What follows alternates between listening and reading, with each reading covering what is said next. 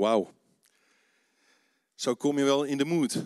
Ook als je net terug bent gekomen van, van, van vakantie. Gisteren zijn we teruggekomen.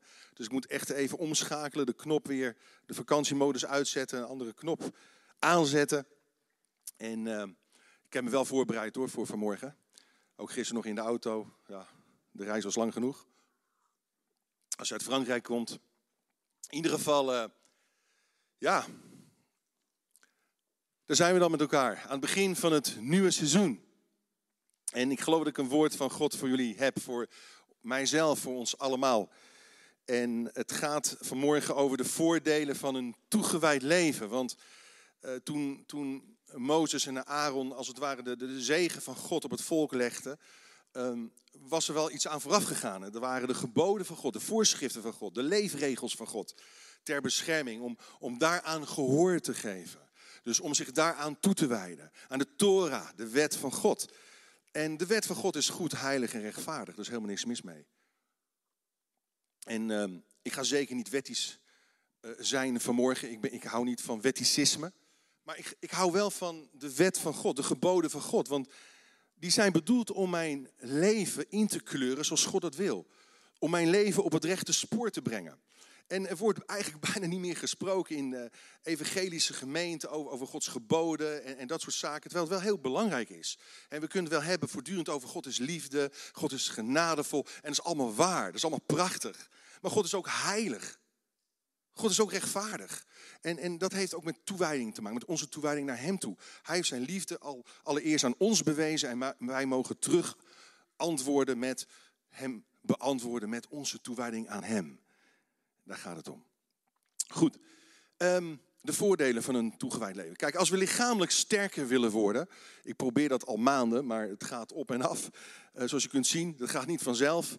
Maar we weten allemaal dat het uh, moeite kost. Dat het inspanning vergt om een, een strak gespierd lichaam te ontwikkelen. Kijk, niet alle mannen kunnen er zo uitzien als ik. Gaat je echt niet lukken hoor. Ja, als je 55 bent en je ziet er zo uit. Hè? Fantastisch, hè? Wat een voorganger, hè? Hey. Dus als we sterker willen worden in een bepaalde sport, individueel of als team, ehm, dan is er toewijding en discipline nodig om de gestelde doelen te behalen. Om het gewenste resultaat te behalen. En het is geestelijk gezien niet anders. Het gaat om toewijding, devotie. Devotie, uh, lees mee, dat betekent ook godsdienstig, het betekent godsvruchtig. Het heeft te maken met aanbidding, verering of toegewijd zijn aan een hogere macht of waarheid. En je wijdt je meestal toe aan dat wat je vereert, op de eerste plaats zet. Aan dat wat je echt belangrijk vindt, wat je prioriteit geeft in je leven. En ik geloof dat een toegewijd leven een, een enorme impact kan hebben in onze omgeving, in onze leefwereld. Het heeft duidelijke, zichtbare effecten. Het, het, het, het, werkt vrucht uit. Niets voor niets, zegt Paulus, oefen nu in een godsdienstig leven. Want het houdt beloften in voor zowel dit leven als het toekomstige.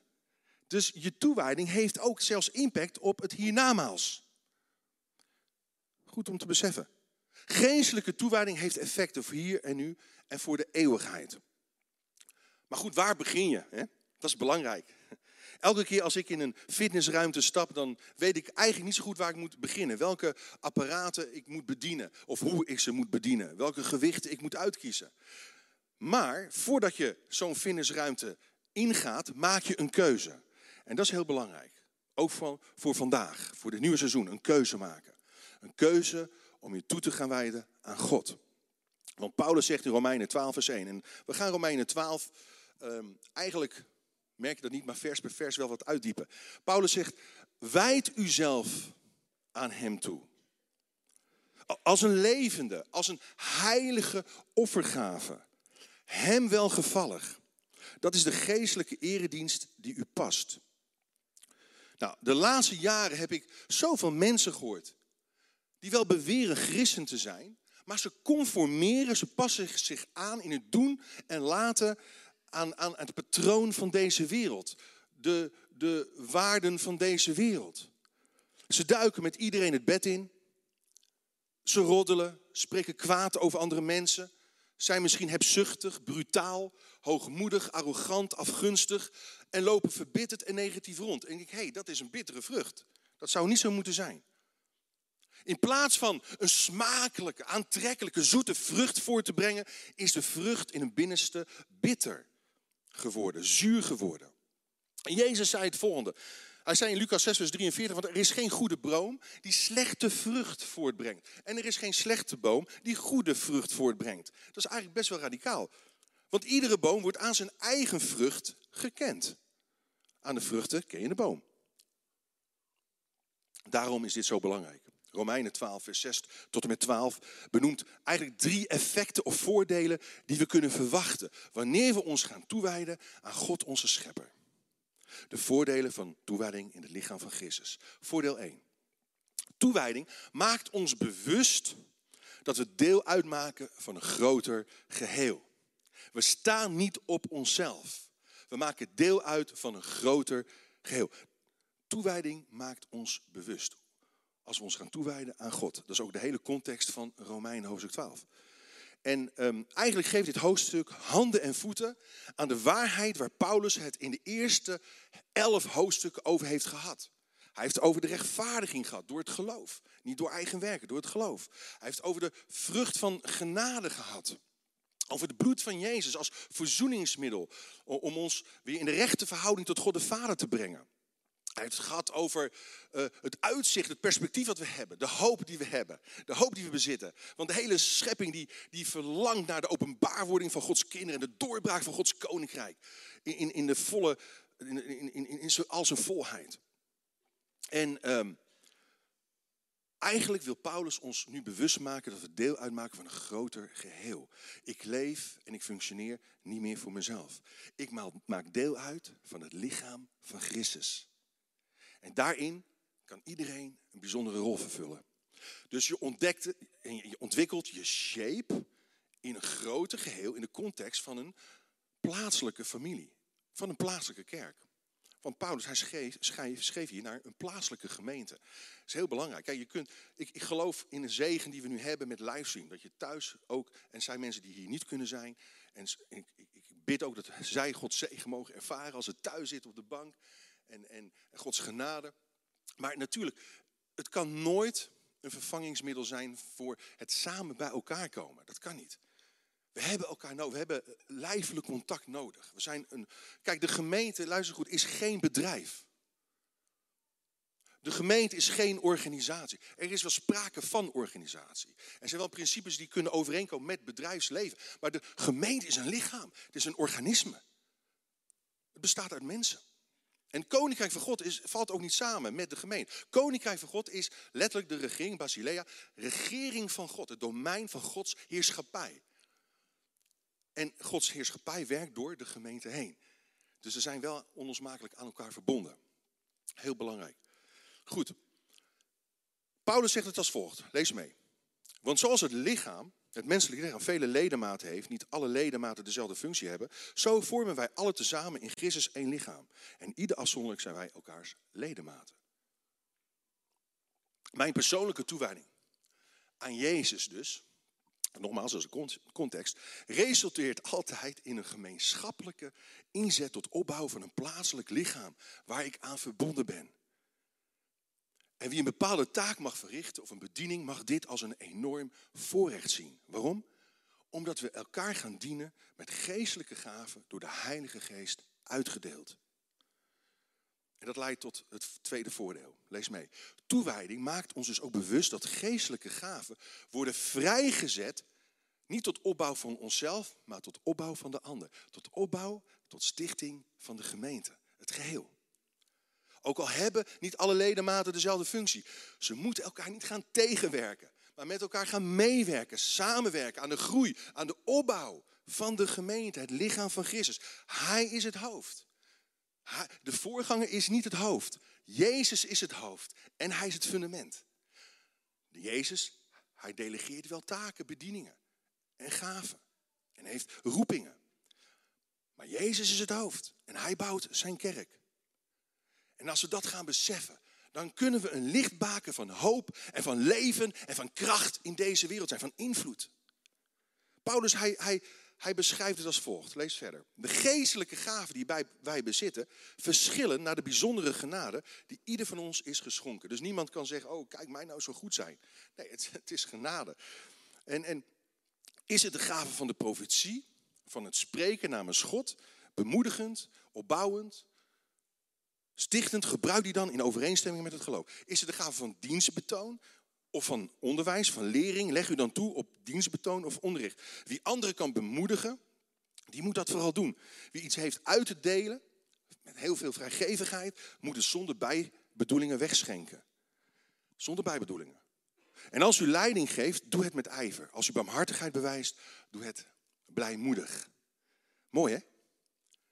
We weten misschien wel allemaal dat het Griekse woord voor gave charismata is. Charismata, de verrassingen, de, de cadeautjes van God. En, maar daar zit ook het woordje charis, genade opnieuw in. Dus God geeft ons gaven vanuit zijn genade en zijn cadeautjes die we mogen ontvangen en gebruiken. Om hem te eren en elkaar op te bouwen. Nou, en die, die verscheidenheid aan gaven is eigenlijk een spiegel. Waarin elke lid in zich in kan spiegelen. Met de vraag, functioneer ik wel in het geheel? Sta ik op mijn plek? Sta ik op mijn plaats? En kan ik God en anderen tot zegen zijn? Ik geloof dat deze gemeente niet gedreven wordt door een sterke persoonlijkheid. Deze gemeente wordt niet gedreven door sterke tradities, door sterke programma's. Maar deze gemeente wordt gedreven, geleid door een sterke toewijding aan Jezus zelf. Er zijn zoveel mensen hier die zich al zo ongelooflijk toewijden aan Jezus. En, en dat, dat, dat brengt ook die zegen weer. En, en de stroom van Gods geest los in onze gemeente. Weet je, de gemeente wordt niet gebouwd door de buitengewone talenten van een paar mensen, van een enkeling, maar door de offers en de talenten van heel veel mensen. Dus denk nu niet dat je niet nuttig bent, dat je niet nodig bent, omdat er al genoeg mensen iets doen. Nee, elk lid, zegt Paulus, oefent een kracht uit, oefent een invloed uit. Er wordt ingeschakeld tot de opbouw en de groei en de bloei van Gods huis, van het lichaam van Christus. En dat leidt tot het derde voordeel. Het derde voordeel is deze. Toewijding maakt ons ook bewust van een passievolle levensstijl die het kwaad overwint. Mooi hè? Toewijding maakt ons bewust van een passievolle levensstijl die het kwaad overwint. Want Paulus zegt dit, hij gaat verder. Heb lief zonder te doen alsof. Haat het kwaad en houd vast aan het goede. Houd veel van elkaar als broeders en zusters. Toon respect voor elkaar en wees de ander daarin voor. Wanneer we Gods genade ervaren in ons leven, zal het effect zijn dat we van andere gelovigen en van andere mensen gaan houden. Dat we ze lief gaan hebben. Dat kunnen we niet van nature. We gaan leren, dat beschrijft Paulus verder, om andere mensen te eren, te waarderen, respecten te. We gaan leren om andere mensen te helpen als ze dat nodig hebben. We gaan leren om gasvrij te zijn voor andere mensen. Liefde voor de vreemdeling, letterlijk. We gaan leren om mee te leven als het goed gaat met mensen, maar ook als het slecht gaat met mensen. En Paulus, hij gebruikt het woordje voor liefde in het Grieks Philadelphia. Philadelphia. Dat is liefde binnen gezin en familie. Dus dat is zo mooi dat we zo met, bij elkaar zijn van, vanmorgen. Met ook alle kinderen en jongeren en, en ouderen. Maakt niet uit. Liefde binnen gezin en familie. Ik zou je dit zeggen. Weet je, als we elkaar niet leren liefhebben. Hoe kunnen we dan een vijandige wereld liefhebben?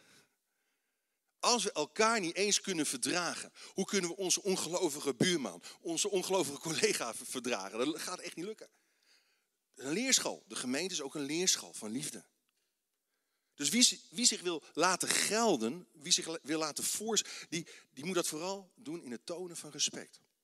En dan zegt Paulus, lees mee, laat uw enthousiasme niet bekoelen. Ik was toen, toen ja, drie weken op vakantie. Ik dacht, oh, dan moet ik preken meteen zondag.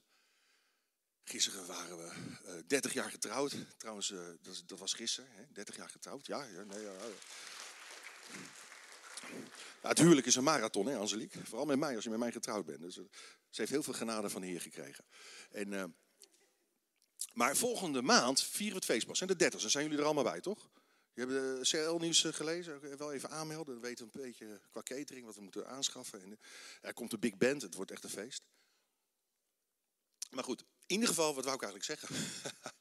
um, ja, nou ja, dat. dat, dat, dat ik kwam terug en ik dacht van, ik, ik moet morgen preken. Natuurlijk, je, je hebt wel wat Bijbel gelezen, wel wat gebeden, maar uh, ben ik wel enthousiast genoeg? Ja, ik kom, ik kom binnen, joh, en dan zie ik weer mensen zich inzetten, dienen en, en gewoon de sfeer en de aanbidding, joh. Nou, bij dat lied van The House of the Father of iets. Ik dacht van, wauw, ik, ik, ik voelde meteen enthousiast. Is dat niet mooi? Dat is de Heilige Geest. Laat uw enthousiasme niet bekoelen. Maar laat u aanvuren door de geest. Dien de Heer, wees verheugd door de hoop die u hebt. Wees standvastig wanneer u tegenspoed door ondervindt. Bid onophoudelijk. Bekom u om de noden van de heiligen en wees gasvrij. Weet je, het effect van toewijding is zo krachtig. Dat zelfs de vicieuze cirkel van het kwaad, van negativiteit, doorbroken kan worden. Is dat niet mooi? Ik laat me niet overwinnen door het kwaad, maar ik overwin het kwade door het goede te doen en te bewijzen. Dan laat je eigenlijk de vijand uh, ja, in schande uh, staan en een vurige code op zijn hoofd hopen. Nou, hoe kunnen we de dagelijkse effecten van toewijding ervaren? Een paar meenemers, heel kort. Eerste meenemer, allereerst vandaag, doe dat. Geef je volledig over aan God als een levend offer. Je mag een levend offer zijn. Je bent geen doodoffer, je bent een levend offer. Broeders en zusters, met een beroep op Gods barmhartigheid vraag ik u om uzelf als een levend, heilig en God welgevallig offer in zijn dienst te stellen. Dat is de ware eredienst voor u. Dat is de ware eredienst. Ons leven mag een brandoffer zijn. Een offer van complete overgave aan God. En als de Joden een brandoffer brachten, zeiden ze eigenlijk tegen God ik geef u mijn hele leven.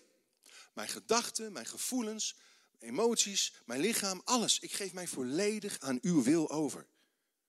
Het verschil is dit, als we onszelf aanbieden als een offer, dan hoeft het offer niet meer gedood te worden. Want onze oude zondige natuur is met Christus aan het kruis gestorven. En Christus wil nu door jou heen gaan leven.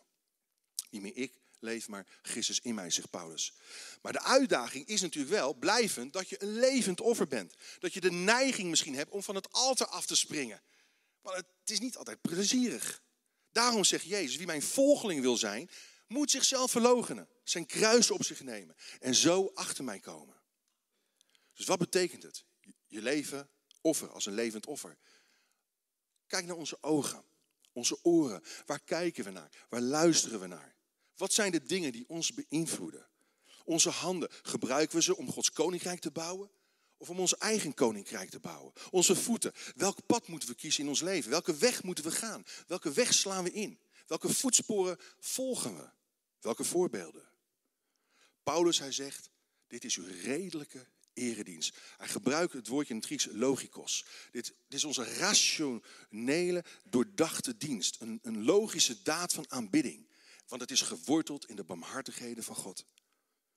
Dus ons hele functioneren moet doordacht worden om toegewijd te zijn aan de schepper.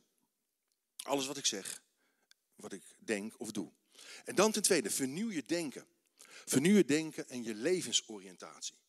Paulus zegt, word niet aan deze wereld gelijkvormig, maar word innerlijk veranderd. En wordt het, woordje metamorfose gebruikt, door de vernieuwing van uw gezindheid. Om zo te ontdekken wat goed vermaakt en hem welgevallig is.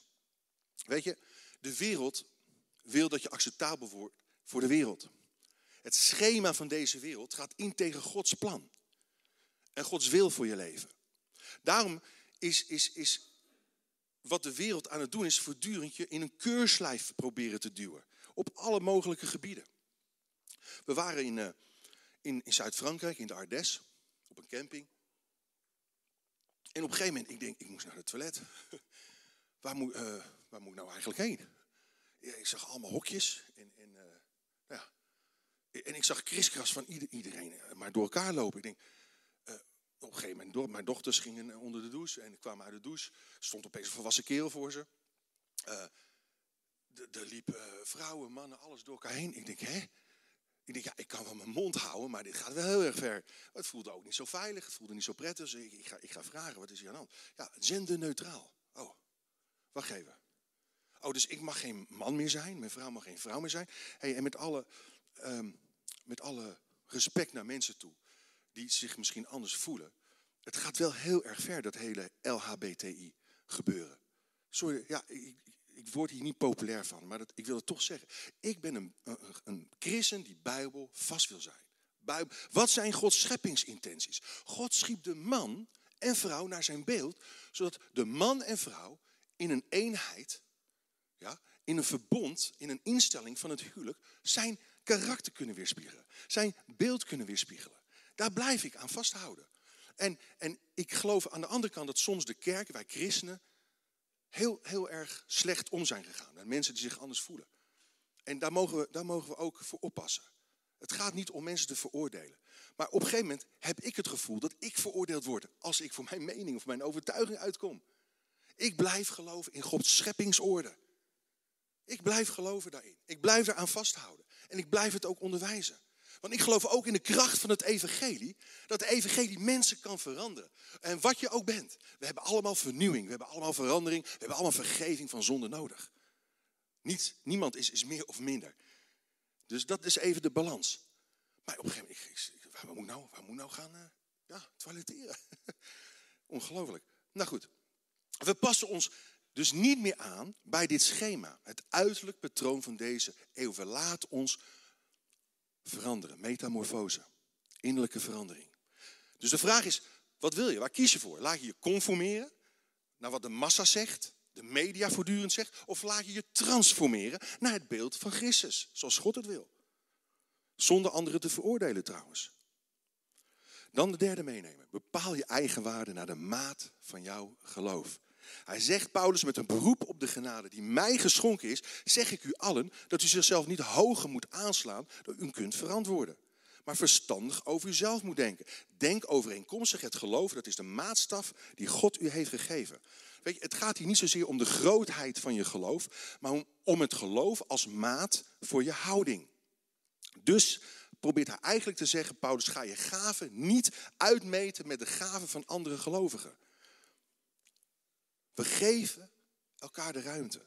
We worden elkaars handen en voeten. En onze eigen waarde is geworteld in de genade van Christus. Overschat uzelf niet, zegt hij. Maar laat u in uw denken leiden door bescheidenheid.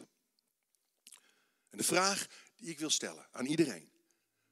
Wil jij die keuze maken vandaag om een leven offer voor God te zijn? Wil jij die keuze maken om op dat altaar te gaan liggen, als het ware? En er niet ervan af te springen als het pijn doet. Als je iets misschien opgeeft. Als je zegt, Heer God, ik kan niet alleen, maar komt u in mijn leven. Heer, maakt, maakt u mij vrij van binnenuit. Heer, stroom met uw kracht door mij heen. Ik geloof dat het evangelie een kracht is tot behoud, tot redding, tot vernieuwing van een ieder die gelooft. Tot vernieuwing van leven. Bij God zijn alle dingen mogelijk. Ja, je kunt veranderen. Het is niet te laat. En God, die vergeeft je zonde. Hij wil je weer nieuwe kansen geven, weer nieuwe mogelijkheden geven. Al heb je gefaald. En al voel je je misschien schuldig en voel je je beschaamd.